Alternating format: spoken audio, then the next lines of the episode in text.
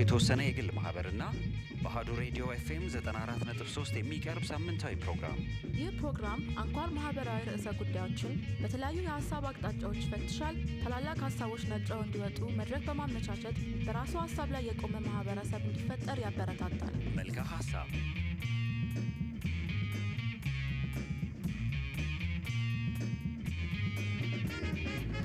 የተወደዳችሁ የአህዱ ቤተሰቦች እንደምሰነበታችሁ። ይህ በየሳምንቱ ማክሰኞ ከሶስት ሰዓት እስከ አራት ሰዓት በቀጥታ ስርጭት ወደ እናንተ የሚደርሰው የመልካ ሀሳብ ፕሮግራም ነው። የነገረ ጥበብ ተመራማሪው ጤንነት ሰጠኝ፣ የሳይንሳዊ ንድፈ ሀሳቦች ተንታኝ አብይ ፋንታይና እኔም የፕሮግራሙ አስተናባሪ እስክንድር ክብረአብ ምሽቱ የላቁ ሀሳቦችን የምትገበዩበት እንዲሆንላችሁ በጋራ እንመኛለን። እንዴት ናችሁ እናንተ? ደህና እግዚአብሔር ይመስገን ሰላም ነን። ሁሉም ሰላም? እግዚአብሔር ይመስገን ሰላም ነው። ቀየው ሰላም ነው? ከብቶች ሰላም ነው እንዳልል ከብቶች የላችሁም። ጥሩ እንግዲህ ሳምንት እንግዲህ ያው ስላልነበርን ከ15 ቀን በፊት የነበረውን ከስርጭት ጋር በተያያዘ በነበረው ሁኔታ እንደገና ለመድገም ተገደን ነበር። ስለዚህ ስቱዲዮ የተገኘ ነው ከ15 ቀን በኋላ ነው። ስለዚህ ስቱዲዮ ናፍቆን ነበር ማለት ነው። ስለዚህ ትንሽ ለአድማጭ ቤተሰቦችም ትንሽ review ነገር እናድርግና ወደ ዛሬው ክፍል እንገባለን። ከአስሩ የፍጥረታት ውስጥ ዋና ዋና ዘርፎች ውስጥ ሀሳብ አንዱ ነው። ይህ ማለት የኢትዮጵያው የነገረ ሕልውና አስተሳሰብ ወይንም ጥበብ ሀሳብን ራሱን እንደቻለ አንድ ፍጥረት ያስቀምጠዋል። በባለፉት ሁለት ሳምንታት ዝግጅታችን ሀሳብን መተንተን ጀምረናል። ስንተነትን በእነዚያ ውይይቶቻችን ከተነሱት ነጥቦች ውስጥ በዋነኝነት ወይንም ሰፋ ያለ ጊዜውን የወሰደው ደግሞ ሀሳብ አራት ገጽታዎች እንዳሉት ወይም በሌላ አገላለጽ አራት ዳይሜንሽኖች ለማሳየት ሞክረናል። የሀሳብን ሁለቱን የሀሳብ አቅጣጫዎች ጨርሰን ዛሬ ደግሞ ወደ ሶስተኛው ለማለፍ ነው እዚህ የተገኘ ነው። ስለዚህ እስካሁን የነበሩን ሁለት የሀሳብ ገጽታዎች አንጻራዊውና ግኝታዊው ነበሩ። ስለዚህ ዛሬ ደግሞ አድማጭ ቤተሰቦቻችንን ወደ ሶስተኛው እናዟዙራለን። ስለዚህ እንግዲህ አሁን እንደ አንድ box ወይም ሳጥን ብናስቀምጠው ቤተሰቦቻችንን ከአንድ ገጽ ወደሚቀጥለው ገጽ ስለዚህ ዙረት ነው እያዞርን ያለ ነው። ስንገጥም ወደ ተነሳንበት ስንነሳ 360 ዲግሪ እይታ ይኖራቸዋል ማለት ነው። ስለዚህ ሁለቱን ከጨረስን ወደ ሶስተኛው ስንሄድ የዛሬው ተምሳሌታዊውን እንደምንጀምር ገልጸን ነበር። የዛሬ 15 ቀን የተለያየ ነው። መጀመሪያ ወደ ትርጉሙ ወደ መሰረታዊ ትርጉም እንሂድና ከዛ አስተሳሰቡ ራሱ ምንድን ነው ወደሚለው እንሄዳለን። ለመሆኑ ተምሳሌታዊው ወይም ደግሞ በአንዳንድ አጠራር የእምነት አስተሳሰብ ዘርፍ ምንድን ነው? አንተ ቀደም ብለህ ያነሳት ላይ አንድ ጠቆም አድርጋ ያለፍካት ሀሳብ ስላለች እሷን እንደ መንደርደሪያ እናድርጋትና ቀጥለን ወደዚህ ነው አሁን ወደ አነሳው ጥያቄ ለመምጣት እንዲያመችን ማለት ነው። እና ሀሳብ አራት ገጽ አለው ብለን መጥተናል። እና አራት እይታዎች ዘርፎች ናቸው። እና በዚህ በፍጥረታት እሳቤዎች ውስጥ በአብዛኛው ማለት ነው እዚህ አካባቢ ላይ አሁን እዚህ በብዛት የምናነሳው ወይም በኢትዮጵያ ሜታፊዚክስ አካባቢ ላይም በብዛት ስናነሳ እነዚህ የአራት ቁጥር፣ የሶስት ቁጥር፣ የአንድ ቁጥር ጉዳዮች በርክተው ይመጣሉ። አንድ ቁጥር፣ የሶስት ቁጥር፣ የአራት ቁጥር እሳቤዎች በብዛት ይመጣሉ እና እነዚህ ገጽ የምንላቸው ለምሳሌ አቅጣጫ ላይ ስንመጣም አራት ገጽ ምናምን የምንለው ነገር ነበር እና ሀሳብ ላይም ስንመጣ እንደዚሁ አራት ገጽ የሚል ነገር አግኝተናል።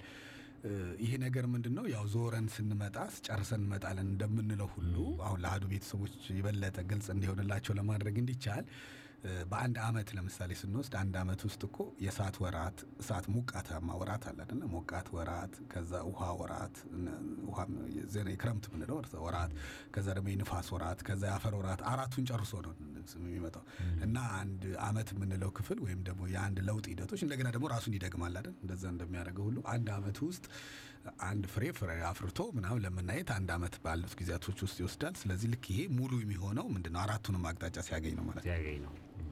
ልክ በተመሳሳይ ሁኔታ አሁንም እንዳልነው ጊዜ አራት ገጽ ነው። ይሄ ጊዜ የአመታቶቹ ማለት የአመቱ አውዶች ምናምን አውርተ ነው ነበር ከዚህ በፊት ላይ ና በተወሰነ ደረጃ የአመታቶቹ አውዶች የምንላቸው ነው። ዘጠና አንድ ዘጠና አንድ ቀን እያደረጉ እንዴት እንደሚመጡ ተነጋግረን ነበር። ልክ እንደዛው ተመሳሳይ ሁኔታ ላይ ሀሳብም ስትመጣ እንደዛው አሁን የሀሳብም የተለያየ ገጽታ እንዳለውና ይሄ አንጻራዊ የምንለው የሀሳብ ገጽታ እንዳለ ግኝታዊ የምንለው የሀሳብ ገጽታ እንዳለና አሁን ደግሞ ዛሬ ልናነሳው የፈለግነው ተምሳሌታዊ የምንለው የሀሳብ ገጽ እንዳለ ነው እያወራን ያለ ነው። እንግዲህ አሁን የሚመጣው ምንድን ነው? እሱ ይሄ ተምሳሌታዊ የሚለው ሀሳብ ራሱ ምንድን ነው? ተምሳሌታዊ ስለምንድን ነው? የአንዱን የሀሳብ ዘርፍ ወይም የአንዱን የሀሳብ ክፍል ተምሳሌታዊ የሚል ስያሜ ተሰጥቶታል። በአብዛኛው እንግዲህ እነዚህ ስያሜዎች ምናልባት አንጻራዊው በብዙም በዛ በሳይንሱም በኩል ላይ ያው አንጻራዊ ሪሌቲቭ በሚለው የሚመጣ ይመስለኛል በተወሰነ ደረጃ ላይ ግን እነዚህ ቃላቶቹ ራሳቸው ከቃላቶቹ አንጻር ጀምረን ስንመጣ እነዛ ቃላቶች ራሱ ኢትዮጵያዊ መሰረት ባላቸውን እየተካናቸው ይመጣ ነው። ያንን ሀሳብ ይፈታሉ ተብሎ የሚመል ግኝታዊ ስንል በወቅቱ የነበረውን ያገኙትን ወቅቱ ያለውን የሚመለከት ነው ግኝታዊ የተባለው በወቅቱ ያለው ላይ መሰረቱን ስለሚጥል ማለት ነው። አሁን የተምሳሌታዊ የምንለው ደግሞ ይሄ መመሰል ማለት ነው፣ ተመስሎ ማለት ነው። ወይም በማይታየው ውስጥ ያለ ነገር በዚህ በሚታየው ውስጥ ተመስሎ መገለጥ ሲችል ነው። ለዚህ ነው ተምሳሌታዊ የተባለው። አይታወቅም፣ በወዲያ በኩል ያለበት ይዞታ አይታወቅም፣ አይደረስበትም። ነገር ግን በዚህ ውስጥ በሱ ተመስሎ ተመስሎ የተቀመጠው ነገር ስለሚመጣ በዛ ላይ መሰረቱን ስለሚጥል በተመሰለው ነገር ላይ ስለሚጥል ተምሳሌታዊ የሚል እሳቤ ወስዷል። ምናልባት አሁን ወደ ዝም ብለህ ሰፋ እያደረግነው ስንመጣ ሀሳቡ ይገባን ይችላል እና ተምሳሌታዊ አስተሳሰብ መሰረቱን ምን ላይ ያደርጋል ተብሎ እምነት ላይ መሰረቱን ያደርጋል። ለምሳሌ እምነትን ስትወስድ እምነት የምንለው ክፍል እንግዲህ በተጨበጠ ልክ እንደ አንጻራዊ አስተሳሰብ ባገኘኸው በያዝከው በጨበጥከው ነገር ውስጥ አይደለም። ዝም ብለህ ነው የምትቀበለው። የሆነ በመረጃው ላይ እንዲህ ነው እንዲህ ነው ብለህ ሳይሆን ዝም ብለህ በቃ መቀበልን ብቻ የሚመለከት ነገር አለ። ይሄ ደግሞ ምንድን ነው? ምንም በማይታየው ውስጥ ተቀብለህ እዚህ ጋር በሚታየው ውስጥ ያለውን ነገር ልክ በማይታየው ውስጥ እንደተፈጠረ አድርገህ ተቀብለህ የመውሰድ አይነት ሂደት። ለዚህ ነው ተምሳሌታዊ የሚል እሳቤ ያዘው። ለማንኛውም ይሄ ተምሳሌታዊ ሀሳቡ ከዚህ ጋር የተያዘ ነው። ለማንኛውም ግን ተምሳሌታዊ አስተሳሰብ እምነትን መሰረት ይጥላል። በቃ እምነት ላይ ነው። ልክ አንጻራዊ አስተሳሰብ እውቀትን እንደ መሰረት አድርጎ እንደሚወስደው አንጻራዊ አስተሳሰብ ደግሞ ተምሳሌታዊ አስተሳሰብ ደግሞ መሰረቱን አድርጎ የሚያስቀምጠው እምነት ላይ ነው። እምነት ማለት ደግሞ ሂደት ማለት ነው። ሂደት ሲባል ምናልባት ከዚህ ከጊዜ ጋር ሀሳቡ እንትን እንዳደረግ አሁን ብዙዎቻችን የሚመስለን እምነት ስንል አንድን ሀሳብ መቀበል ነው የሚመስለን። ለምሳሌ አንድ ሰው አመነ ሲባል የሆነ ነገር ስትነግረው ያን ሀሳብ ከተቀበለው በቃ አምኖበታል ትላለህ። ይህ አይደለም እምነት የሚባለው። እምነት ማለት ምንድን ነው? ሂደቱ ሂደቱ ማለት ነው። ለምሳሌ አንድ ሰው የገደል ጫፍ ላይ ቆምና ከዚህ ገደል ላይ በወድቅ አልሰበርም ይላል። እንግዲህ ወይም ደግሞ ከዚህ ወደ ገደል ላይ ብትወድቅ አትሰበርም ስለው እኔ አዎ አልሰበርም ይለኛል። ይሄንን ሀሳብ ስለተቀበለው አይደለም አመነ የሚባለው። ወደ ገደል ጫፉ ከገደሉ ላይ ወደ ታች የሚወርድበት ሂደት እሱ ነው እምነት የሚባለው። ገብተዋል እንጂ ሂደቱ እንጂ እምነት የሚባለው ይህ ሀሳቡን የመቀበልና ያለመቀበል አይደለም። በብዙ ሰዎች ዘንድ ላይ ይሄ ነገር ትንሽ ክፍተት ይታይበታል። አንዱ ምንድን ነው ብዙ ሰው ምንድን ነው የሚለው አንድን ሀሳብ ስለተቀበለው ያመነ አምኗል ብለህ ትላለህ። ግን ወደ እውነታ ውስጥ በሚገባበት ሰዓት ላይ ወይም ወደ ተጨበጠው ነገር ውስጥ ወደ ትክክለኛው ነገር ውስጥ ሲገባ ሲዋዥቅ ታየዋለህ ሰውየው። ምክንያቱም አላመነበትም ማለት ነው። ካመነበት አይዋዥቅም። እንደዚ አይነት ችግሮች ውስጥ ለምሳሌ ገደል ላይ የተቀመጠው ሰው በወድቅ አልሰበርም ይላል። ግን እስቲ ግባ ታዲያ ብትለው አይገባም። ስለ ካልገባ አላመነበትም ማለት ነው። እንደማይሰበር አላመነም ማለት ነው። ቢያምን ኖሮ ይወርድ ነበረ። ስለዚህ እምነት የምንለው ሂደቱ ውስጥ የምናገኘው በሂደት ውስጥ የሚመጣ ነገር እንጂ በሂደት ውስጥ የምናየው ነገር እንጂ በራሱ መጀመሪያ ላይ እንደዚህ ቀጥ አድርገን የምናቆመው ነገር አይደለም እና ተምሳሌታዊ አስተሳሰብ እምነትን መሰረት አድርጎ የሚቀመጥ ይሆናል ማለት ነው። ይህንን ይመስል ነገር አለው። በግርድፉ ሲታይ ሶስተኛው የሀሳብ ገጽ ይሄ ነው ነው። ወደ አብይ እንምጣና እንግዲህ አሁን ተምሳሌታዊው ሀሳብ እምነት ላይ መሰረት ይጥላል ካለ የኢትዮጵያው ሀሳብ አንተ ደግሞ የዓለም አቀፉን አሁን በዓለም ላይ በሰፊው የሚታየውን ሳይንሳዊውን ንድፈ ሀሳቦች ነው እያብራራልን ያለውና አሁን ባለው ባለው የሰው ልጅ ታሪክ ሁለት ኃይሎች ናቸው። ሁለት ጫፎች በ polar ደረጃ ሁለት ተቃራኒ ኃይሎች ናቸው ብለን ብናስቀምጥ አንዱ እምነት ነው። በዛኛው ጫፍ ደግሞ ሳይንስ አለ ወይም ሳይንሳዊ ሀሳቦች አሉ። ለመሆኑ ሳይንስ እነዚህን አሁን ጤንነት የገለጻቸውን በእምነት ላይ የጣለውን የአስተሳሰብ ዘርፍ እንዴት ነው የሚያያቸው ነው? አሁን እንግዲህ በሳይንስ ውስጥ ያለውን ከማየት በፊት ከሱ በፊት የነበሩትን ሁለቱንም ጠቅሶ ማየት ያስፈልጋል። ምክንያቱም የሳይንስ አብዛኛዎቹ የአስተሳሰብ ሂደቶቹ መጀመሪያው ባነሳ ነው በአንጻራዊ ወይም አንድ የተቀመጠን እውነት አስቀምጦ ያንን በታወቀ መንገድ ውስጥ ፈትሾ ትክክል ሲሆን የሚቀበል ትክክል ካልሆነ ትክክል አይደለም ብሎ የሚል ወይም የፈተሸበት መንገድ የሰጠውን ውጤት ወስዶ ነው የሚያየው። ስለዚህ እንደዛም ቢሆን ግን ብንል ይሄ እምነት የሚለውን ሀሳብ በዚህ ውስጥ አይታይም ማለት አይደለም። ምክንያቱም ለምሳሌ አንድ ሰው ትምህርት ልማር ቢል መማሬ እውቀት ያስገኝልኛል፣ ያ ደግሞ ይጠቅመኛል ብሎ ሲያምን ነው። እምነት የሚለውን በእንደዚህ አይነት መልኩ ብናየው የተሻለ ነው ብዬ ነው የማስበው። ነገር ግን በሳይንስ ውስጥ ሳይንሳዊ ነው ብለን የምናገኛቸው ነገሮች ብዙ ጊዜ ይሄ በግለሰቦች አመለካከት ወይም ይሄ ባያዝ ተደርገው ይወሰዳሉ። በግለሰቦች ላይ ወይ በሁኔታዎች ላይ መሰረት ያደረጉ ነገሮች ሳይሆኑ ይሄ objective reality የምንለው በሁሉም ነገር ውስጥ ተለይቶ ወጥቶ ሊታይ የሚችለውን ነገር ነው ትኩረት የሚሰጠው። ስለዚህ እምነት ግለሰባዊ ነው አደለ? አንድ ሰው በራሱ ነው የሚያምነው። ስለዚህ በሳይንስ ውስጥ ይሄ እምነት የሚባለውን ነገር እንዴት ነው የሚያየው? objective የሆነውን ወይም ይሄ የገሃዱ ዓለም እውነታ የሆነውን ነገር ለይቶ ለማውጣት እሱን ሊረብሹ የሚችሉ ነገሮች አሉ ብሎ ከሚያስባቸው ነገሮች አንዱ አድርጎ ነው የሚወስደው እና በብዙ ጊዜዎች እንደዚህ አይነት እይታ አለው። ነገር ግን አሁን በሳይኮሎጂ ብንወስድ ወይም በስነ ልቦና ብንወስድ በግለሰብ ስነ ልቦናም ውስጥ በማህበረሰብ ልቦና ስነ ልቦናም ውስጥ ሀሳብ ትንሽ በሙሉ መልኩ ይታያል። ከዛ ግን ባለፈውን መንገድ ሲታይ objective የሆነውን ነገር ለማየት ስንሞክር ከዛ ጋር ተነጻጽሮ ለማያ ነው የሚጠቀምበት።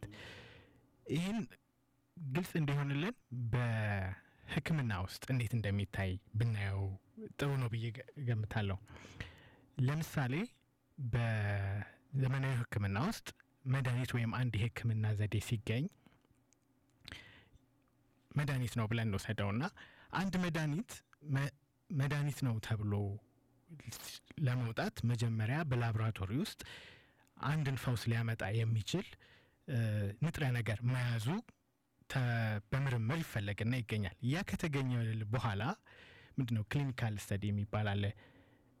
ለህሙማን ወይም ያ ችግርን ሊፈውሳቸዋል ለሚባሉ ሰዎች ይሰጥና እነሱ ላይ ያመጣው ውጤት ደግሞ ይታይና ነው ተቀባይነት የሚያገኘው። በዚህ ውስጥ ግን ምን አይነት ነገር አለ? አንድ ሰው መድኃኒት ተሰጥቷል ስለተባለ ብቻ ግን ሊድን ይችላል። ይሄ በሕክምና ውስጥ በደንብ ይታወቃል። እንደውም ይሄ placebo effect ይባላል። ምንድን ነው መድኃኒት እንደዛ ሲሞከር መድኃኒቱም ነገር ግን መድኃኒቱ ውስጥ ያለ ንጥረ ነገርን ያልያዘ መድኃኒቱን የሚመስል ነገር አብሮ ለሰዎች ይሰጣል። ከዛ በኋላ ምንድን ነው የሚታየው? ያ መድኃኒት መድኃኒት ነው ተብሎ የሚወሰደው። ሰው በራሱ እምነት ወይም ያን መድኃኒት ይፈውሰኛል ብሎ በማሰቡ ከሚያመጣው የፈውስ ደረጃ በላይ የሆነ ውጤት ሲኖረው ነው። እና አሁን የትም የምናገኛቸው መድኃኒቶች የመድኃኒት ውስጥ ያለው ንጥረ ነገር የመፈወስ መጠን ሲደመር ሰውየው በመድኃኒቱ ላይ ባለው እምነት ራሱን የሚፈውስበት ተደምሮ ነው አንድ ላይ የዛ ውጤት የሚሆነው። ስለዚህ ምን ለማለት ነው እዚህ የፈለጉት በሁለት መንገድ ይታያል። በማህበረሰብ ውስጥ እምነት ምን ሊያመጣ እንደሚችል በሳይኮሎጂና በማህበራዊ ሳይንሶች ውስጥ ወይም በስነ ልቦና ውስጥ በቀጥታ የሚታይበት ሁኔታ አለ። ይህንም በኋላም ልናየው እንችላለን። ግን በአብዛኛው ጊዜ እምነት subjective ስለሚሆን objective ስለማይሆን subjective የሆነውን ነገር ለመለየት ሲባል እንደ ተለይቶ እንደ error ወይም እንደ ችግር control ተደርጎ መታየት እንዳለበት ተደርጎ ነው ብዙ ጊዜ የሚወሰደው። ስለዚህ መስመር ያሰምራል በመሀል አዎ አንድ ሳይንስ ሳይንስ ለመሆን ከእምነት ከሚያመጣው ውጤት የበለጠ ሰርቶ መታየት አለበት የሚል ነገር ነው የሚቀመጠው። እኔ አንድ እንግዲህ ወደዚህ መለስ ስላደረጋችሁ ፈልጌ ነው። አሁን በአብዛኛው ምንድነው በዚህ በእምነት ማብራሪያዎች ላይ እንግዲህ እምነትን የሚለውን ሀሳብ ያመጣንበት ዋናው ጉዳይም ከሀሳብ ጋር በተያያዘ ጉዳይ ነው። ሀሳብ ሶስት ገጽታ አራት ገጽታዎች አሉታልና ለምሳሌ አንድ ሰው ሀሳቡን የሚያይበት ለምሳሌ የሆነ ነገር ከመካከላችን እኛ ሶስታችን አሁን ባለንበት ቦታ ላይ ከመሀላችን አንድ ነገር ብናስቀምጥ ያንን ያስቀመጥነውን ነገር እንዴት ያየዋል ያ ሰው? ወይም ደግሞ ሀሳብም ሊሆን ይችላል፣ ጉዝ አካልም ሊሆን ይችላል። ከመካከላችን ያደረግነው ነገር ያ ሀሳብም ይሁን ወይም ጉዝ አካል ከመካከላችን አስቀምጠን ይህንን በምን መንገድ ያየዋል ያ ሰው ሲባል አንደኛው በአንጻራዊ መንገድ ያየዋል። በአንጻራዊ ነገር ማለት ምን ማለት ነው? ከዚህ በፊት በሚያውቀው በዛ ነገር ተመስርቶ ስለዛ ነገር ማብራሪያዎችን ሊሰጥበት ይችላል። በዛ እይታ ሊያይ ይችላል። ቀድሞ ከሚያውቀው መረጃ ወይም ዓለም ከተቀበለው መረጃ መሰረት ከያዘው ነገር ሊያየው ይችላል። ሁለተኛው የሚያይበት መንገድ ደግሞ በግኝታዊ ሊያየው ይችላል። በወቅቱ ባለው ሁኔታ በወቅቱ ያ ነገር ባለበት ያኛው አንጻራዊ ጥንት መጀመሪያውኑ ዓለም ላይ መስመር መስመር ይዞ በመጣበት ነገር ሊያየው ይችላል ነው ያለው። ሁለተኛው ግን ሊያየው የሚችልበት መንገድ ግን በወቅቱ ባለው ሁኔታ በወቅቱ ዓለም ላይ የሚገኝበት ለምሳሌ ሞባይል አስቀምጠ ከሆነ ይሄ ሞባይል ነው፣ እንደዚህ ነው፣ ይሄ እንደዚህ ነው ብሎ ወዲያውኑ አሁን እዚህ በዓለማችን ላይ ባለው ሁኔታ ሊነግርህ ይችላል። ስለዚህ በዚህ አይነት መንገድ የሚያወራል ነገር ይሄ ግኝታዊ የምንለው የአስተሳሰብ ዘርፍ ነው። ሶስተኛው ዘርፍ አሁን ዛሬ ልናነሳ የፈለግነው ተምሳሌታዊ የምንለው ዘርፍ ያንኑ ቁስ ወይም ያንን ሀሳብ ከመካከላችንን ያስቀመጥነውን በእምነት ሊያየው ይችላል። ይሄ ነው አሁን አንዱ ገጽ እንግዲህ የተባለው በእምነት ዘርፍ ሊያየው ይችላል። ይሄ እንዲህ ነው ብሎ ምንም መረጃ አይፈልግም። በቃ ዝም ብሎ ሊቀበለው ይችላል። ምንም ማብራሪያ አልፈለገም። ገብቶሃል? ለምሳሌ ይሄ ነገር እንደዚህ ነው ብሎ ሊወስደው ይችላል። ይህ ማለት ምንድን ነው? እሱ ቀጥታ ከሌላ መረጃዎችን ሳይወስድ ቀጥታ የወሰደው እሳቤ ሲሆን ነው ተምሳሌታዊ የሚባለው። ለምሳሌ ቀላል ምሳሌ እንውሰድና እንመልከተው። ለምሳሌ ስለ እግዚአብሔር እናንሳ። እግዚአብሔር የሚል ሀሳብ እናምጣና እግዚአብሔር አለ ወይ የለም በሚል እሳቤዎች ውስጥ መተን ስናስቀምጥ በአንጻራዊ በኩል ምን ብሎ ያለዋል? ከዚህ ምዕራፍ ከዚህ ቁጥር ከዚህ ምናምን ብሎ ከሃይማኖታዊ መጽሐፍቶች ወይም ደግሞ ስለ እግዚአብሔር ከተጻፉ መሰረታዊ ነገሮች ወይም በሳይንስ ውስጥም ወይም በምንም ስለሚነገሩ ነገሮች ጋር መሰረት ጥሎ ማለት ነው ከዛ ውስጥ ባለ ነገር ተመስርቶ ስለዛ ስላነሳ ነው ስለ እግዚአብሔር እሳቤ መልስ ለመስጠት ይሞክራል ማለት ነው። ይሄ አንጻራዊ ነው ያየበት እይታ ገብተዋል። ግኝታዊ የሚለው እሳቤ አሁን ዓለማችን ስለ እግዚአብሔር የሚሰጠው አጠቃላይ ያለው ነገር ያለውን ተጨባጭ ሁኔታ ተመልክቶ የሚመልስበት ያ ከዚህ በፊት የተጻፉ የተመዘገቡ ያሉ ነገሮችን መሰረት አድርጎ ነው አንጻራዊ። ይሄኛው ደግሞ በወቅቱ አሁን ህብረተሰብ የተቀበለው አይደል? አካባቢ ማህበረሰቦች ከተቀበለው ነው። በእምነት የሚመለከተው ግን ምንም መስረጃዎችንም አላየም። መጽሐፍቶቹንም አይፈልጋቸው ይችላል። ያኛውን በእምነት ግን አለ ይልሃል። ዝም ብሎ እንዴት ብትለው ያውቃል። እሱ በሱና በፈጣሪውና በሱ መካከል የተመሰረተ ዘርፍ አለ። ይሄንን በቃላት ሊያስቀምጥልህ አይችልም። የእምነት ዘርፍ የሚባለው ይሄ ነው። ቅድም እንዳልኩ በማይታየው ውስጥ ያለን ነገር በሚታየው ውስጥ መስሎ የማምጣት ስለሆነ ከወዲያ ያለን ነገር ወደዚህ የመመለስ ነገር ስለሆነ እንደዚህ በግልጽ አይታይም ማለት ነው። ስለማይታይ ዝም ብሎ ይቀበለዋል። መቀበሉ ብቻ አይደለም፣ በዛ በእምነቱ ብዙ ተአምራት ሲያረግ ታየዋለን። ለምሳሌ አሁን ቅድም አብይ እንዳነሳው አንድ መድኃኒት አጠገቡ ተሰብ መድኃኒት ነው ስትለው መድኃኒት ነው ስላልከው መድኃኒት ነው ማለትን ብቻ በእምነት ተቀብሎ ዝም ብሎ ይድንበታል። ለምሳሌ ውሃ ይሆናል እኮ ያስቀመጥክለት እኮ አንተ ምንም ነገር ማይጎዳውንም ማይጠቅመውንም ነገር ዝም ብለህ ውሃን በሆነች ጣርሙስ ውስጥ አድርገህ ወይም በመርፌ አድርገህ ውሃ ይሆናል እኮ የወጋኸው መርፌ የሆነ አንዳንድ ሰዎች አሉ። አሁን ሆስፒታል ስትወስዳቸው በቃ ዶክተሩ ዝም ብሎ የሆነ መድኃኒት ከሰጣቸው በቃ አሁን ይኸው ተሻለኝ ይለዋል። ይሄ ምንድን ነው ስለ በእምነት ገብተዋል። ያንን ነገር ተቀብለውታል ማለት ነው እንትን ብለውታል እንጂ አንጻራዊ ግን ብትለው ምንድን ነው እሱ መድኃኒቱ የተቀመመበትን ንጥረ ነገር ምን ምንህን እንደሚፈውስ ምኑን መጥቶ ምኑን እንደሚገለው ባክቴሪያው እንዴት እንደሚያጠፋው ስለዚህ ዝርዝር ነገር ባወቀው ልኬት ነው ያንን ነገር ቢቀበለውም መቀበል የሚችለው ማለት ነው።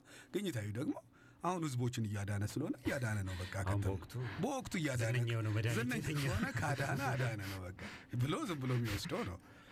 በእምነት ግን ዝም ብሎ ነው። በቃ እንትኑ የለም። ገብተዋል። ዝም ብሎ በቃ ልክ መድኃኒት ነው ስላልከው ብቻ በቃ አምኗል። መድኃኒት ነው በቃ ብሎ ዝም ብሎ ተቀብሎ የሚመጣው ነገር ነው። እና ይሄ እምነት ዘርፍ ልክ ይሄንን የሚመስሉ ሀሳቦች በውስጡ ይዘ ይገኛል። አሁን ጤንነት ይህን ሲያነሳ ብዙ ጊዜ እንዲህ አስተሳሰቦች ከአንጎል ክፍል ጋር ተያይዞ ይመደባሉ። እና ባለፈውም በነበሩት ሁለት ክፍሎች ይሄ አንጻራዊ ሀሳብ የግራን አንጎል ክፍል ይመለከታል። ይሄ ሎጂካል የሆነ መረጃን የያዘ በሚለው አይነት ግኝታዊንም ያለው ያው ወደ ግራው አእምሮ ክፍል ይሄዳል። ይሄኛው ግን የቀኝ አእምሮ ክፍል ነው ይለዋል እና intuitive ነው መግለጽ ማብራራት አይቻልም፣ በጣም ይከብዳል። እና አሁን ይሄ ቅድም ያልኩት መድኃኒቱ ላይ እንዴት ሰው ምንም መድኃኒትነት ንጥረ ነገር የሌለውን ሲወስድ ይድናል የሚለውን በሳይንስ እናብራራው ቢባል ምንም ማብራሪያ ምክንያት የለውም። ነገር ግን ይሄ በየዕለት ስራ ሊሆን ሲሆን የሚታይ ነገር ነው። ስለዚህ እንደተባለውም እንዲህ በመረጃ በምን ሊተነተን የማይችል ሆኖ የሰው የቀኝ አእምሮ ክፍሉ እንዲህ አይነት ነገሮችን የማድረግ አቅም አለው የሚለውን ተቀብሎ በመውሰድ አይነት ነው ሊተነተን የሚችለው እና በዚህም በኩል ተመሳሳይነት እይታ አለ የሚለውን ለማንሳት ፈልጌ ነው። ጥሩ። አሁን ደግሞ ትንሽ ለየት ያለ ነገር ላንሳ። ይኸው የአሳሰብ ዘርፍ የእምነቱ ማለት ነው በቦታ ወይም በጂኦግራፊካል አቀማመጥ የሚያመጣው ለውጥስ አለ ወይ? ምክንያቱም በዕለት ተዕለት ህይወታችን ላይ አንዳንድ ገጠመኞችም ኬዞችም ስለሚያጋጥሙን ከምንሰማቸውም ዜናዎች ማለት ነው። ለመሆኑ ይህ አስተሳሰብ የቦታ dependent ነው ወይ? አንዳንድ ቦታ ላይ የሚሰራ አንዳንድ ቦታ ላይ የማይሰራ ነው ወይ ብለን እንደመድማለን? ይሄ እንደውም በእምነት በኩል ላይ ያሉት ነገሮች ላይ እንደ አንድ እንደ አንድ ችግርም ተብለው ከሚወሰዱት ወይም ደግሞ እንደ አንድ ምክንያቶች ተብለው ከሚወሰዱት ዘርፎች አንዱ እሱ ነው። በሌሎቹም ዘርፎች ለምሳሌ በአንጻራዊም እንደ ችግር የሚወሰዱ ነገሮች አሉ። ምክንያቱም ስህተት የሆነ መረጃ ቢሆንስ ያ የወሰድከው እና አንተን ወደ ሌላ አቅጣጫ ይወስድህ የለም ወይ እና ስህተት ነው ተብሎ ዓለም ስለተቀበለው አይደለም ምናልባት ስህተት ተብሎ ስህተት ተብሎ የተቀበሉት ነገር ቢሆንስ የሚል ያኛው አንጻራዊ ላይ የሚያነሳብ ሀሳብ አለ። ልክ በተመሳሳይ ሁኔታ የእምነት ዘርፉም እንደሚሰራ ይታወቃል። በብዙ ቦታዎች ላይ የእምነት ዘርፍ ትልቅ አቅም እንዳለውና ብዙ መስመር እንደሚወስድ ይታወቃል። ነገር ግን አንዱ ያለው ችግሩ ግን ምንድን ነው? ለምሳሌ እኔ በእምነት ተቀብየው የዳንኩበትን ወይም ያገኘሁትን ነገር አንተ ላትድንበት ትችል ይሆናል። ገባህ? ወይም አንተ ላታገኘው ትችል ይሆናል። ስለዚህ ይሄ ምንድን ነው የሚያሳየው? እንኳን በሀገራት ቦታዎች ላይ ወስደነው ቀርቶ ራሱ በአንድ ጉዳይ ላይ ራሱ አንዱ በእምነት ተቀብሎት አንድ ነገር ላይ ሲሆንለት ለአንደኛው ግን ላይሆንለት ይችላል። ስለዚህ ለሰው ልጆች ሁሉ ይሆናል ብለህ ልትመጣ አይደለም። ሳይንስ አሁን ይበልጥ አብይ ይመስለኛል። ብዙ ጊዜ ክርክር የሚያነሳበት የዚህ የእምነትን ዘርፍ ይሄንን ነው። ምክንያቱም ለሁሉም የመሆን እድሉ ምንድን ነው ለመጨበጥ ያስቸግራል። ሳይንሳዊ ከሆነ እዚህ ጋር measure ለማድረግ ትችላል። ይሄኛው measure ማድረግ አትችልም። የማትችልበት ምክንያት ነው ለተወሰነ ሰው ይሰራል፣ ለተወሰነ ሰው አይሰራም። ልክ በተመሳሳይ ሁኔታ እንዳልከውም በተወሰነ ቦታ ላይ ይሰራል፣ በተወሰነ ቦታ ላይ አይሰራም። በተወሰነ ቦታ ላይ ካለምንም መረጃ ማለት ነው ካለምንም ነገር ብዙ ሰዎች የትልልቅ እውቀት ባለቤት ሊሆኑልህ ይችላሉ የሆነ ቦታ ላይ ይሄ እምነት ምል እንዳልኩ ከዚህ ከማይታየው ዓለም ጋር ከሚኖርህ ግንኙነት ስለሆነ ከዛ ጋር በፈጠረው ነገር ትልቅ ደረጃ ላይ ሊደርስብህ ይችላል። አንድ ሰው ሊመጣ ይችላል። አላነበበም፣ አልተማረም፣ ምናምን አላረገም፣ ግን ብዙ አዋቂ ብዙ ነገሮች ውስጥ ይመጣል። ይሄ እንግዲህ በእምነት የሚመሰረቱ መሰረቶች ግን እነኚህ ቦታዎች ግን እንዳልከው በቦታ በሰዎች ምናምን በመሳሰሉት ነገሮች በጣም ከፍተኛ የሆነ ልዩነት ያመጣል። ይሄ ነው ዋናው ትልቁ ጥያቄ። ያው እግረ መንገዳችንን ለማንሳት እንዲያመች ኢትዮጵያ በእምነት የታደለች ሀገር ነች ይባላል። ለዚህ እድለኛ ነች። ስለዚህ በጂኦግራፊ እዚህ ምስራቅ አፍሪካ ላይ ያለችው ኢትዮጵያ የተሻለ የዚህ ሀሳብ ያው ምንድን ነው አሁን ያልከው የታደለች ነች ስትል ህዝቡ በአብዛኛው በዚህ አስተሳሰብ ዘርፍ ተጠቃሚ ሆኖ ኖሯል ነው አደለ? አዎ እንደዛም ብቻ ማለት ፈልገን ሳይሆን በእምነት ዘርፍ ላይ ለሚመጣ ነገር ኢትዮጵያ ምቹ ነች ምቹ ነች። ለምሳሌ በራሱ ሀሳብ በራሱ ነገሮች ውስጥ ይሄ በሌሎች በአንጻራዊ በግኝታዊ በምናም መሰረት ሳይጥል በራሱ ማሰብ ለሚችል ሰው በራሱ ለመምጣት ለሚችል ሰው ይሄ የእንትን ዘርፉ ክፍት ነው ኢትዮጵያ ውስጥ። ምቹ ሁኔታ አለ። የሚለው ነው የሚያስኬደው ይመስለኛል። ሻቢያ አሁ እንግዲህ በሳይንስ ውስጥ ከተጻፉ ነገሮች ብናነሳ አሁን መድኃኒት ያልሆነን ነገር ወስዶ መድኃኒት ነው ብሎ መስጠት placebo ይባላል እና እሱን ሲወስድ ደግሞ የሚመጣው ውጤት placebo effect ይባላል። ይሄ እንግዲህ ያንን ስትወስድ የሚያመጣው ነገር ነው እና ይሄ እንግዲህ ምንድን ነው እንደውም በይሄ በፋርማሲ ውስጥ ይሄ clinical study ላይ golden standard ነው የሚባለው። አንድ መድኃኒት ከ placebo ካልበለጠ መድኃኒት አይደለም ተብሎ ነው የሚጣለው።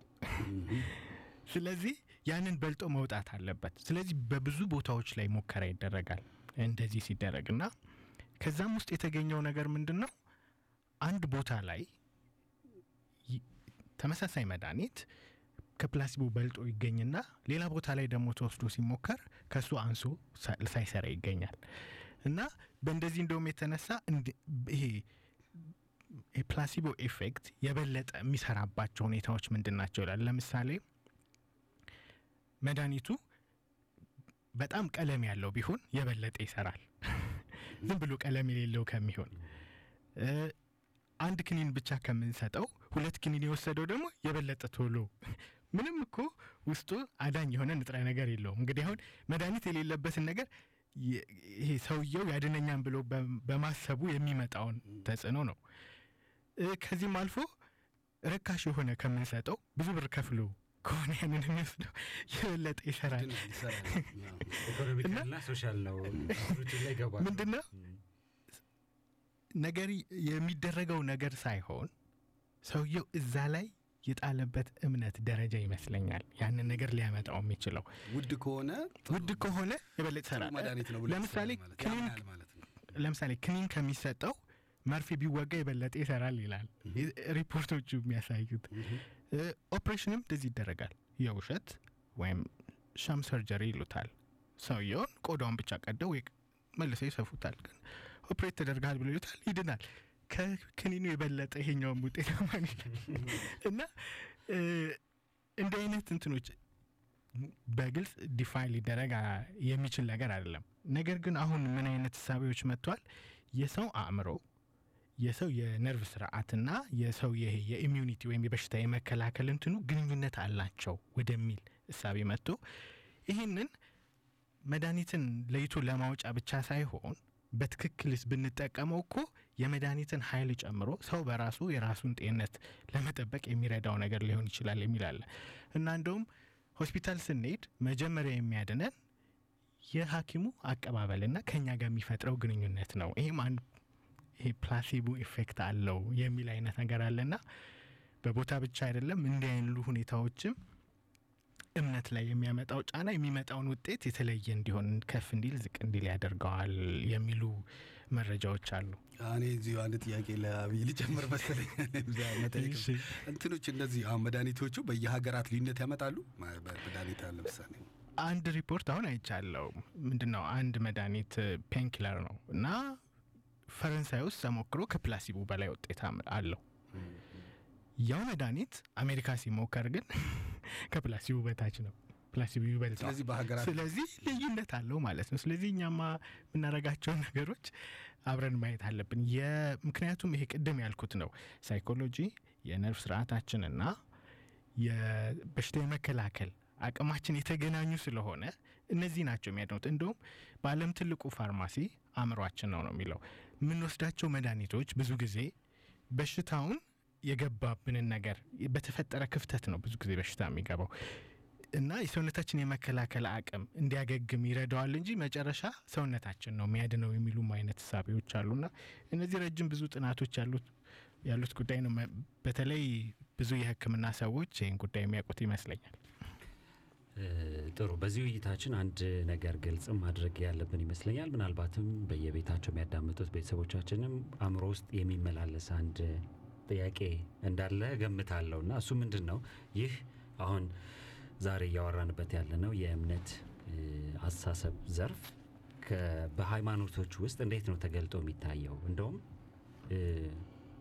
ኢንተርቼንጅብሊ ውላ ልንጠቀም እንችላለን። ሃይማኖት ስንል እምነት ብለን ማለት ነው እና እሱን በደንብ አፍታተን ብናየው ጥሩ ነው። ሃይማኖት ማለት እምነት ነው ወይ ወይም ይሄ አሁን በኢትዮጵያው አስተሳሰብ ጤነት እየገለጽክልን ያለው የሀሳብ ዘርፍ ላይ ማለት ነው ሃይማኖት ውስጥ እንዴት ነው ተገልጾ የሚታየው?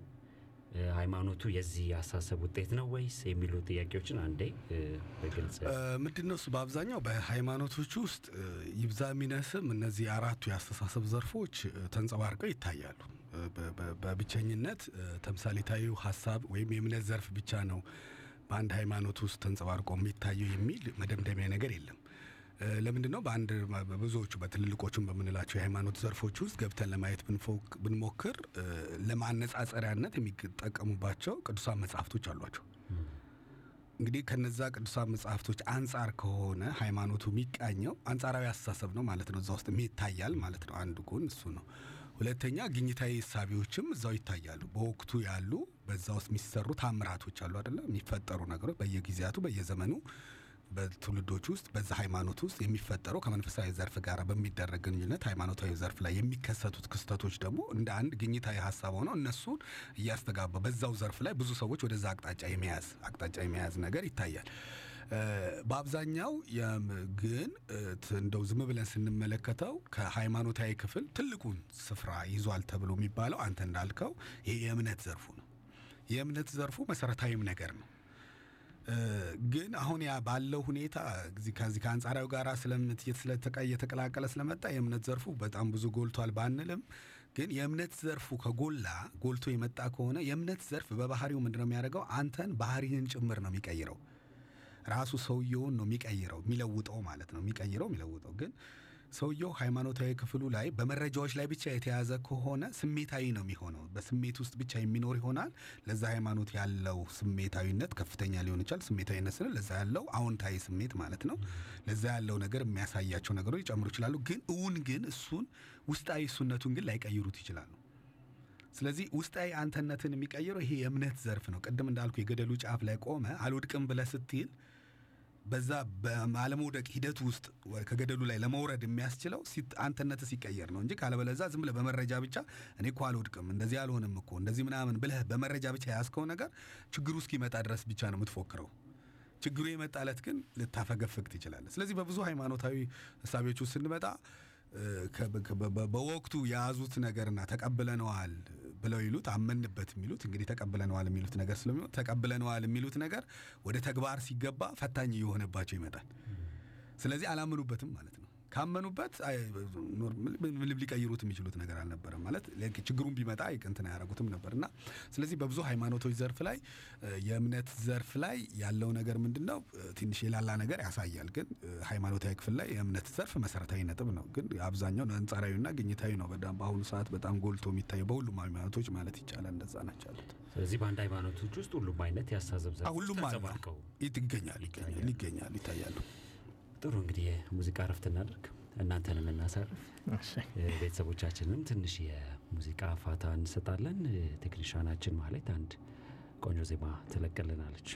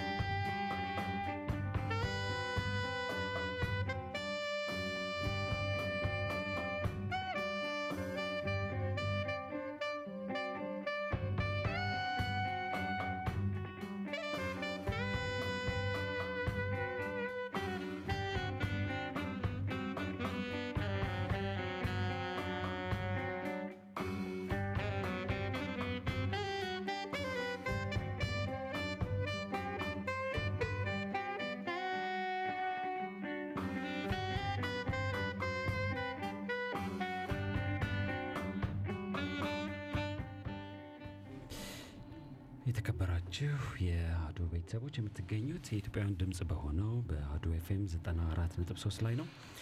ዛሬ እየተነጋገርን የምንገኘው ስለ ሶስተኛው የሀሳብ ገጽ ተምሳሌታዊው ወይም ስለ እምነት ዘርፍ ላይ ስለተመሰረተው የሀሳብ አይነት ይሆናል። በምዕራፍ ሁለቱ ከሙዚቃ እረፍት በኋላ ተመልሰን ተገናኝተናል። እስኪ ስለ አመለካከት እናውራ። አሁን ኢትዮጵያችንም ውስጥ የሚሆን በዓለም ላይ የግለሰብ አመለካከት፣ የማህበረሰብ አመለካከት እየተባለ በጣም ሰፊ ስራ እየተሰራ ነው ያለው። ምክንያቱም ምን አይነት ድምዳሜ ላይ አለ የሁሉም ነገር መንስኤ ወይም የለውጥ መንስኤ የህብረተሰብ ወይም የግለሰቦች የአመለካከት ለውጥ ማምጣት ነው እየተባለ ያው በተለያዩ ዘርፎች እየተሰራ ነው ያለው። በትምህርት ቤትም ይሁን በመንግስት ደረጃም በመስሪያ ቤትም እየተሰራ ነው ያለው። በስልጠናም በስልጠና ላይ ብዙ አመት ስለሰራው ኢንዱስትሪውን በጣም በሚገባ አውቀዋለሁ እና አሁን ጤንነትም በዚህ አጋጣሚ ግልጽ እንድታደርግልኝ የምፈልገው ነገር ስላለ ነው። የአንድ ሰው ወይም ወደ የማህበረሰብ አመለካከት በተለያዩ መረጃዎች ሲገነባ ይታል በድግግሞሽ እና እንደ አመለካከቱ አይነት መጨረሻ ላይ ያ ግለሰብ አሉታዊ ወይም አዎንታዊ ስሜት ነው ላይ ነው የሚደርሰው እና ለመሆኑ ይህ የአመለካከት ግንባታ ከእምነት የአስተሳሰብ ገጽ ጋር የሚያገናኘው ነገር ምንድን ነው? ማመኑ ነው አመለካከታዊ ለውጡን የሚያስከትለው ከነገርከው በኋላ። ምክንያቱም ያው እስካሁን በትሬኒንግም በምንም እንደሰራ ነው በጣም ብዙ ነገሮች እንናገራለን። የተጻፈም ይሁን ያልተጻፈ ስለዚህ አምኖ ሄዷል ብለን ነው የምናስበው። እና በዛ ምክንያት ከፍተኛ የሆነ ስሜትም ሲፈጠር እናያለን። እና ይሄ የእምነት ዘርፍ ነው አመለካከቱን የሚያመጣው አንዱ አሁን እንዳልከው አንዱ ትልቁ ክፍተት እዚህ ጋር ይታያል። ምንድን ነው በዚህ በሀሳብ ገጾች ውስጥ ካሉት ውስጥ አንዱ የአመለካከት ዘርፍ አንዱ ነው። ሌላው ደግሞ የእምነት ዘርፍ ብለን የምንለው ደግሞ አንዱ ወይም ደግሞ አንጻራዊ የምንለው አለ፣ ተምሳሌታዊ የምንለው አለ እና አመለካከት የአንጻራዊ ዘርፍ ክፍል ነው እንጂ የእምነት ዘርፍ ክፍል አይደለም፣ የተምሳሌታዊ ዘርፍ ክፍል አይደለም። አንዱ ትልቁ ክፍተትም የተፈጠረውና በዚህ በአመለካከት ለውጥ በኩል ላይ የተፈለገው ውጤት ያለመምጣቱም ትልቁ ክፍተቱ በዓለማችን ላይ በብዙ ቦታዎች ላይ ጊዜያዊ ለውጦች ብቻ የተከናወኑት ግን ይሄ ቀጣይነት ያለው ሙሉ ለሙሉ ለውጥ የምንለው ነገር ምንድነው? የአንድ ሰው ማንነት የአንድ ሰው አዲስ መሆን ነው። አንድ ሰው አመነ ሲባል አዲስ ፍጥረት ሆነ ነው ሳቢው ራሱ ያለው አዲስ ሰው ነው የሚሆነው። በቃ ያ ሰው የተለየ ሰው የድሮ ማንነቱ ተመልሶ አይመጣም። አመነ ሲባል እንደዛ ነው የሚሆነው። ግን ይሄ አመለካከት ለውጦች ግን በመረጃዎች ላይ የተመሰረቱ ስለሆነ ጊዜያዊ ለውጦች የሚመስል ግን በኋላ እንደገና ተመልሶ ወደዛው የሚሄድበት አይነት ነገር እየተፈጠረ ነው። አንዱ ትልቁ ክፍተት የተፈጠረው እዚህ አካባቢ ላይ ምንድን ነው በአመለካከትና በእምነት መካከል ላይ ያለውን ነገር ለይቶ ያለማየትም ነገር የተፈጠረ ይመስለኛል። በእኔ በእኛ ጋር ባለ የአስተሳሰብ ዘርፍ በኩል ላይ እ፣ ምንድን ነው መሰለህ ዝም ብለን እንዴት እንደመጡም ልነግርህ እችላለሁ። ሀሳቦቹ ምንድነው የዚህ የእምነት ዘርፍ ላይ ለምሳሌ አንድ ሰው አመነ በእምነት የሚኖር ሰው ነው ስትል ያ ሰው ላይወጣ ላይወርድ ይችላል። እንደ ሌላው ሰው ብዙ ነገር ላያደርግ ይችላል። ግን ነገሮች ሲከናወኑለት ግን ታያለህ። እንደ ሌሎች ሰዎች ሌላ ምርምር ውስጥ ምናምን ላይገባል ይችላል። ግን ምርምሮች ከሚያውቁት በላይ እሱ ሊያውቅ ይችላል። ይህ በእምነት ዘርፍ በኩል ላይ የሚገነቡ የአስተሳሰብ ዘርፎች ናቸው። አሁን እነዚህ ነገሮች ለአንጻራዊ አስተሳሰብ ላይ ለሚገኙ ሰዎች እንግዲህ አንድ ሰው ሁለት ሰዎችን ጎን ለጎን አስቀምጠ አንደኛው ይጥራል፣ ይለፋል፣ ይለፋል፣ ይለፋል። እሱ በጥረቱ ያኛው በጥረቱ ምንም ያገኘው ነገር የለም። ይሄ ግን ሳይጥር ሳይለፋ የሆነ ነገር ያገኛል። ከዛ ግራ ሲገባው ያኛው ምንድነው እንደ ሀሳብ አሰበ፣ በምን ምክንያት ነው ይህ ሰው እንደዚህ አይነት ለውጦችን ሊያመጣ የቻለ ወይም እሱ ጋር ሳይደክም ሳይለፋ ነገሮች ወደ እሱ መምጣት የቻሉት በምንድን ነው ሲባል ይመጡልኛል ብሎ ስለተቀበላቸው ነው። ወደ እኔ ይመጣሉ የእኔ ይሆናሉ ብሎ ስለተቀበላቸው ነው እንደዛ ይመጡ። ስለዚህ የእኔ ይሆናሉ ወደ እኔ ይመጣሉ እያልኩኝ እኔ ራሴ ደጋግሜ እሱን ነገር ላይ ምሮ ባሳስበው እነዛ ነገሮች ይመጡልኛል ሲል ያኛው ዘርፍ የያዘ ደመደመ። ደመደመ። ሲደመድም አሁን ምን ይሆነ የአመለካከት ዘርፍ ምንድን ነው እሱ ነው። አመለካከት ዘርፍ ምንድን ነው አንድን መረጃ አንድን ነገር ወደ ሰዎች ደጋግመህ በማስተማር በመንገር በምናምኑ ስትመጣ ያ የምትነግረው የምታስተምረው ነገር የዛ ሰውየውን አዎንታዊ ስሜት ለዛ ነገር ያለውን አዎንታዊ ፍላጎት ስለሚያመጣለት ያ አዎንታዊ ስሜት ደግሞ እየደጋገመ ወደ እሱ ዘንድ ሲመጣ ያ ነገር እውነት እሱ ባህሪውን ይቀይረዋል ነው እሳቤ ያለው። ግን አይቀይረውም። በጣም የሚገርመው ነገር artificial ሰው ይፈጥራል እንጂ በተአምር አይቀይረውም። artificial ሰው ግን ይፈጥራል። ይህ artificial ሰው ማለት ምንድን ነው ወይ ቢያንስ ቢያንስ በየሰዓቱ ይህንን መረጃ ለዚህ ሰው መስጠት አለብህ። ልክ እንደ ቻርጀር ማለት ነው፣ እንደ ሞባይል ቻርጀር በየጊዜው ቻርጅ ስታደርገው ነው አይደል? እንደገና low ሲል እንደገና ጨምረህ low ሲል እንደገና ስለዚህ በእነዚህ በአመለካከት ዘርፍ ላይ መረጃዎችን በጭንቅላት ውስጥ ላስገባህለት ሰው ከሆነ ሁል ጊዜ training መስጠት አለብህ። የ training ዕለት የ training ኡ ላይ የወጣ ዕለት active ነው ሰውየው more በቃ በጣም positive ነው ነገሮችን የማከናወን ሶስት ቀን አራት ቀን በኋላ ግን ይረሳዋል። ወደ ድሮ ባህሪው ወደ እሱነቱ ወደ ድሮ ማንነቱ ይመጣል። ለምን ያ ለውጥ artificial ነገር ነው ያመጣለት ስሜቱን እንጂ ያገኘው እሱነቱን እውነተኛ ባህሪውን አላመጣለትም። ስለዚህ አሁን ብዙ motivational skill ኦች ላይ ብዙ ሃይማኖታዊ ትምህርቶችም motivational ብቻ ሃይማኖታዊ ትምህርቶችም በብዙ ቦታ ላይ እነዚህ ነገሮች ይከናወናሉ። ልክ ነህ፣ ልታገኘው ትችላለህ። ሰውየውም በዛ በቦታው ላይ ስሜታዊ ሊሆን ይችላል፣ በጣም እንትን ሊያደርግ ይችላል፣ በቃ ትሁት ሊሆን የሚል ይችላል ምና ግን ወደ እውነታው ዓለም ላይ ስታመጣው ግን አልተቀየረም ሰውየው። ይሄ artificial ሰው ነው የተፈጠረው። ያ ደግሞ ምንድነው እንደገና ተመልሶ ወደ ድሮ ቦታ ይመጣብሃል። እንደገና ደግሞ ያንን ሰው እንደገና መልሰህ ሁልጊዜ ቻርጅ ማድረግ አለብህ ማለት ነው። የአመለካከት ችግር ይሄ ነው። ስለዚህ አመለካከት የአንጻራዊ አስተሳሰብ ዘርፍ ነው። ከመረጃዎች ላይ መሰረት የሚጥል ነው። መረጃዎቹን አዎንታዊ ወይም አሉታዊ የሆኑ ስሜት ያመጣሉ። እነዚ አዎንታዊ ወይም አሉታዊ ስሜት ደግሞ የሰውየውን ስሜቶች ስለሚቆጣጠሩት በዛ ላይ የሚያሳየው ለውጥ አለ ወይም የሚያሳየው እንቅስቃሴ አለ ማለት ነው። ይሄ ነው አመለካከት ለውጥ የሚባለው። ለምሳሌ ባለፈው አንስተነዋል እና ዝም ብለህ ስለ አንድ ሰው ታሪክ ስለ አንድ ሰው ጉዳይ ዝም ብዬ አሉታዊ የሆነ ነገር ዝም ብዬ ስለ ሰውየው ማንነት ዝም ብዬ ባወራ ባወራ ባወራለት ለአንድ ሰው ከዛ ወደ ልክ ያ የተባለው ሰውዬ ሲመጣ እኮ በዛ ሰው ላይ አሉታዊ ስሜት ይይዛል ወይ ይጠለዋል። ይሄ እንደዚህ ምናምን ይላል። ያ ምንድን ነው ብለህ ስትል እኔ በሰጠሁት መረጃ ላይ ተመስርቶ ነው ያመጣው ያንን ነገር። ስለዚህ አሉታዊ አመለካከት የመጣበት ሂደት ነው። ለዚህ አሁን ሁለተኛው ግን ያነሳው ነገር ያንን ነገር ደጋግመን ደጋግመን እናሸንፋለን እናሸንፋለን ስንል እናሸንፋለን አናሸንፍም። ለጊዜውም እናሸንፍ ይመስልናል እንጂ አናሸንፍም። ይሄ ብዙ አይወስድም። ይሄ መስመር አይምሮ ልማድ ይመሰርታል እንጂ ልማድ ከመሰረተ ደግሞ እውነተኛ የማሸነፍ ባህሪ እኛነታችን ውስጥ አይመጣም። ያ የእምነት ዘርፍ ነው፣ ሌላ ዘርፍ ነው። ያ ሌላ ሂደት ነው ያለው። ይሄ ሌላ ሂደት ነው፣ ያ ሌላ ሂደት ነው። የሚቀጠሉት ሁለቱ እና ተመሳሳይ አይደሉም ለማለት ፈልጌ ነው። Interesting። እሺ አብዬ እንግዲህ ጤንነት የትኛው ውስጥ እንደሚፈርጀው ባላቅም በስነ ልቦና behavioral confirmation የሚባል አይነት ነገር አለ። ምንድን ነው? አንድ ሰው የሚነገር ሰው የተነገረውን ነገር ወይም ነኝ ብሎ ያሰበውን ነገር በረጅም ጊዜ ውስጥ በሱ ውስጥ እንዲሆን ይሆናል አይነት ነገር የሚል እንትን አለ። እንደውም ሌላኛው ለዚህ አይነት አመለካከት የተሰጠው ስያሜ self fulfilling prophecy ይሉታል። ለምሳሌ እኔ ጎበዝ ነኝ ብሎ የሚያስብ ልጅና ያንን ካመነው ያ እምነቱ ሰው ልጁ በህይወቱ በሚያደርጋቸው ነገሮች ውስጥ እየገባ ጎበዝ እየሆነ እንዴት ያደርገዋል። ግን እኔ አንተ ሰነፍና አትረባም አትጠቅምም ከተባለና ያንን ደግሞ ካመነው እንደዛ እየሆነ ይሄዳል የሚል አይነት እንትኖች አሉ። ይሄ እና ከዚህ ጋር ተያይዞ ምንድን ነው በስነ ልቦና በማህበረሰብም ውስጥ ይሄ ብዙ ክፉ የሆነውን ወይም መጥፎ የሆነውን ነገር ለራስ አድርጎ መናገር ሁሉ ደጋግሞ መናገር ማህበረሰብንም ይሁን ግለሰብን ይጎዳል የሚል አይነት እሳቤዎች አሉ። እንግዲህ እንደዚህ አይነት እንትኖች እይታዎቹ ካመነው የሚለው ነገር ግን ይጨምራል። ግን እዚህ ላይ ብዙ ጊዜ ያየሁት እውነት ያልሆነንም ነገር ቢሆን እንደዛ ብለን ካሰብነው ይሆናል የሚል አይነት ነገር አለው። በዚህ አይነት መልክ ነው በስነ ልቦና ውስጥ የሚታየው። እንግዲህ ከባህሪው ይልቅ ወደ ማመኑ የሚወስድ ይመስለኛል።